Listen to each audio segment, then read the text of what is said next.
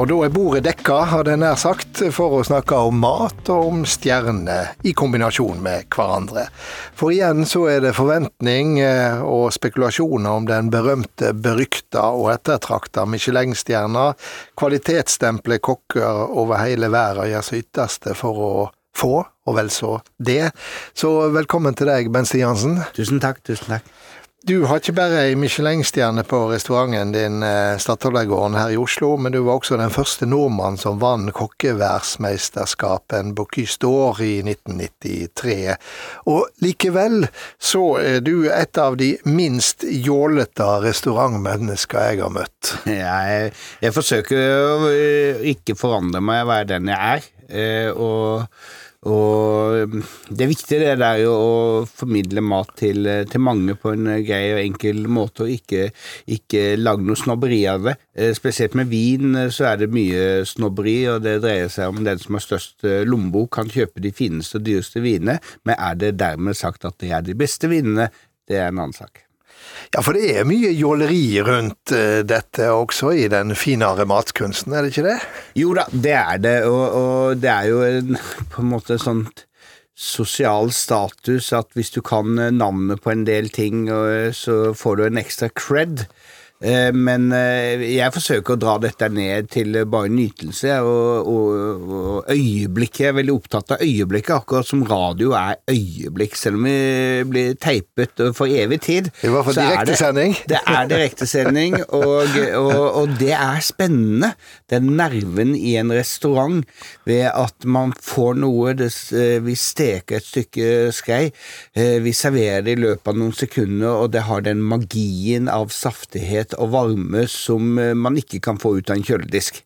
Nå var det nesten som å høre en sportskommentator på kjøkkenet. ja, men det, er, det går fort på et kjøkken, og det er veldig gøy.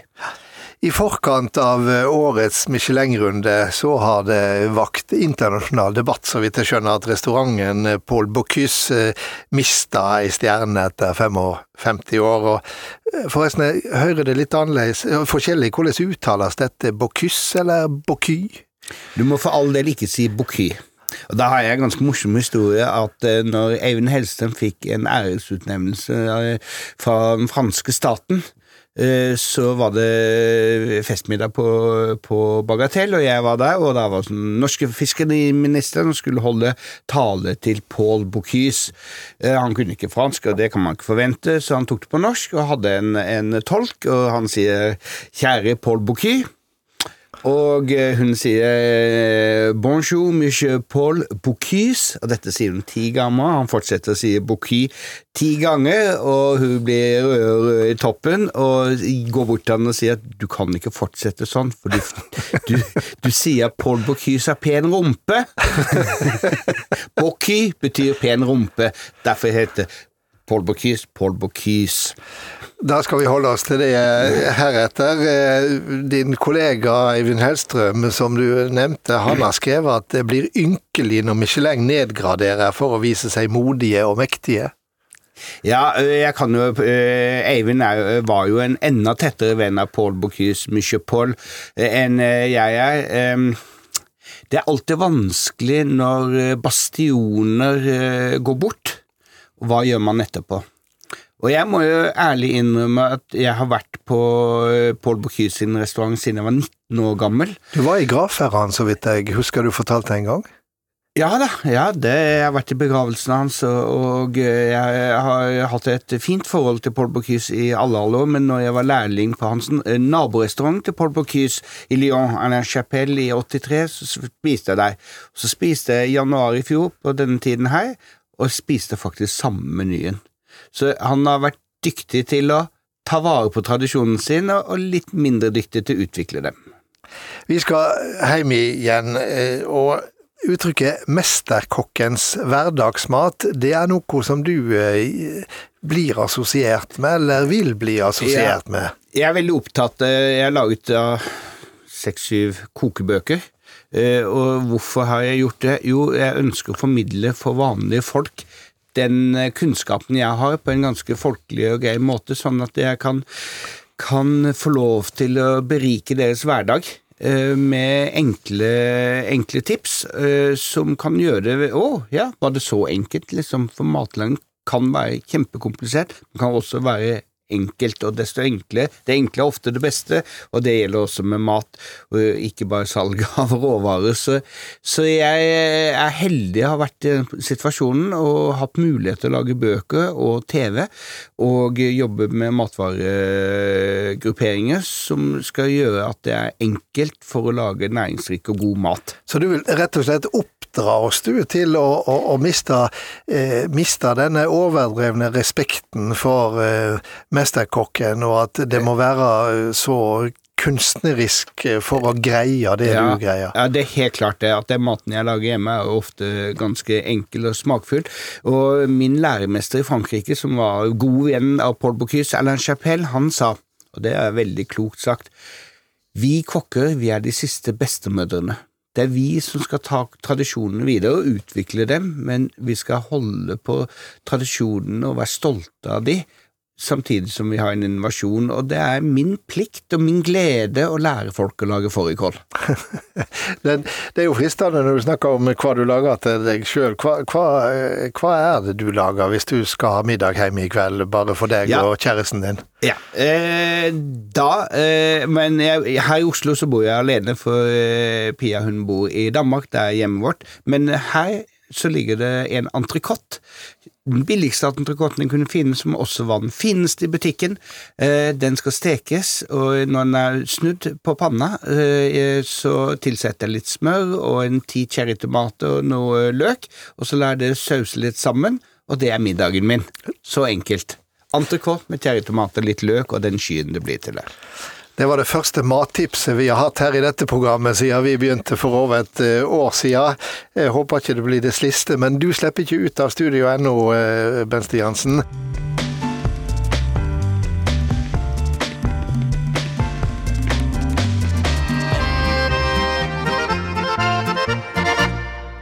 Ja, Der tok polkaen slutt, Ben Stiansen. Er polka noe for deg? Nei, jeg må si at min danseevne er eh, Jeg har sagt nei til Skal vi danse tre ganger, og det er med grunn. ja, Vi skal eh, tilbake til dette med, med, med, mat og matens eh, funksjon. For det er vel noe med at eh, måltidet er også en arena for utveksling av det ene og det andre, for samtale. Det har betydning med å bringe folk sammen. Ja, og det syns jeg er veldig viktig. Jeg sier jo at maten er et verktøy for den gode samtalen.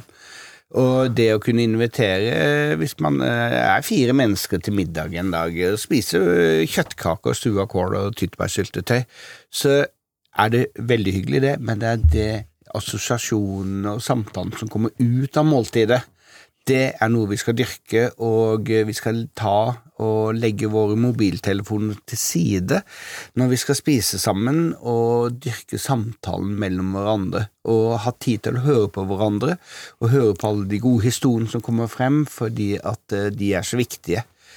Jeg var i, mm, innerst inne i Amazonas, i en nasjonalpark som heter Pacaya Samira, og det var et indiansk folk som bodde der de var noen historiefortellere av en annen verden, for de hadde ingen teknologi. De hadde verken radio eller TV eller mobiltelefoner. Og de var så gode til å snakke. Fantastiske. Og da tenkte jeg Asbjørnsen og Mo i Norge for 150 år siden. De må ha vært likedan.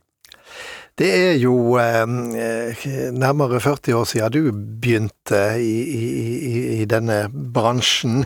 Eh, og dette med bevisstheten om norsk mat, om kvalitetsmat, hvordan har utviklinga vært der i disse åra?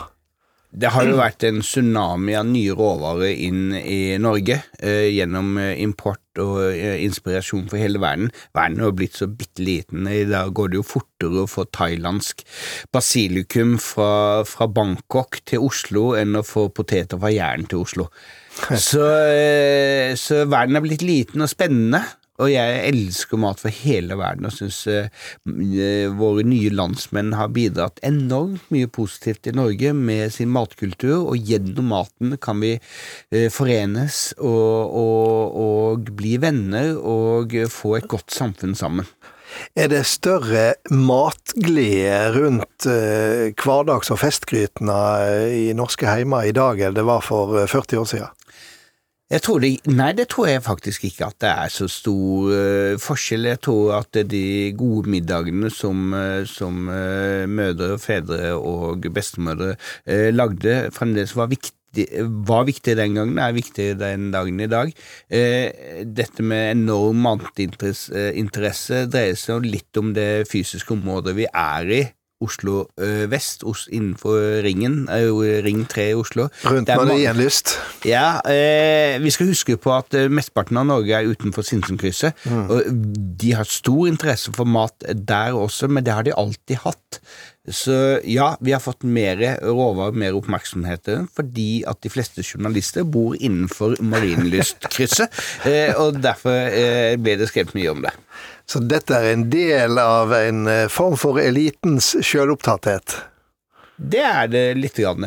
Kultur betyr jo å dyrke, og eh, man har jo fått en, eh, en, en, en nesten eh, hysterisk dyrkelse av kokker. Meg selv er blitt da inkludert i den dyrkelsen, og jeg må tenke, jeg spiller jo en, en rolle. Altså, jeg er sjefen Ben Stiansen, men jeg er også privatpersonen Ben Stiansen, og, og når jeg formidler mat, så forsøker jeg nå bevisst å være privatpersonen Ben Stiansen, som skal være folkelig og treffe å kunne berike folk.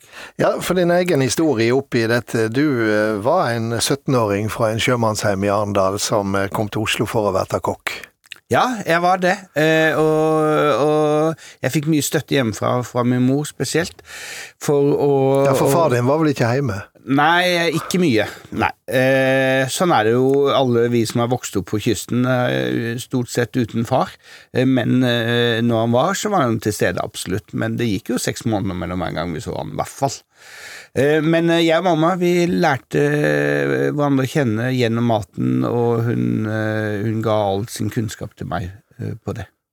Jeg har lest en eller annen plass at uh, du eh, opprinnelig var både rocker og opprører, og du gikk på Blitz for å spise neslepannekaker laga av Stein Lillevolden, den tidas mest kjente opprørsnavn. Er det sant? Ja. Ja, det er sant. Jeg hadde min eh, første date med min forhenværende kone Anette på, på, på, Blitz, og spiste da neslesuppe som Stein hadde laget. Hun trodde hun skulle på Bagatell og var full av rusjer og, og smykker. og Bagatell, det var da Hellstrøms berømte restaurant? Det var Hellstrøms Bagatell og stjerner og sånt men eh, den gang jeg. Eh, jeg har alltid vært fascinert av utfordrere.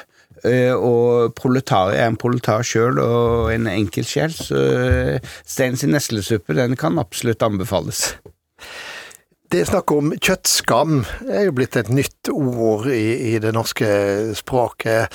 Eh, hva tenker du om det? Er det på vei ut av det akseptable kjøkkenet?